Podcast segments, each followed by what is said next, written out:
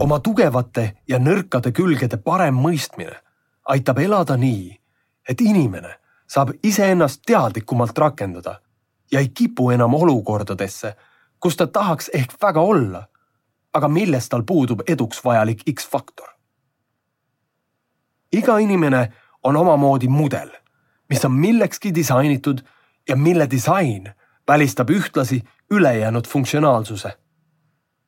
sportauto maksimaalne rakendus selgub ainult ilusatel teedel. kui minna sama autoga metsateele, muutub sõidukogemus ebameeldivaks.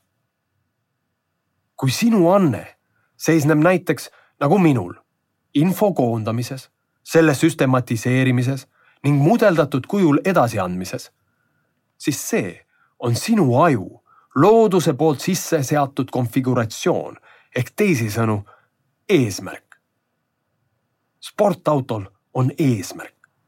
just nagu maasturil on eesmärk.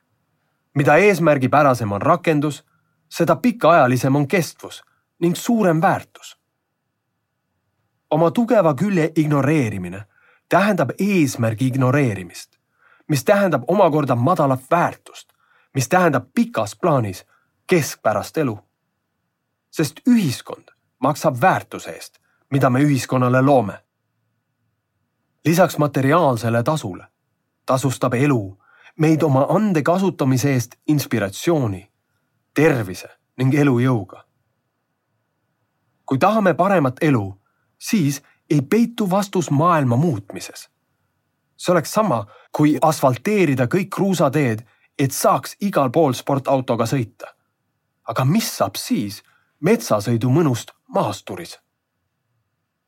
meid kõiki on vaja iganenud koolisüsteem on pannud paljud selles kahtlema, arvama, et on vaja vaid ühesugust inimest ja tugevate külgede rakendamine on väheste privileeg.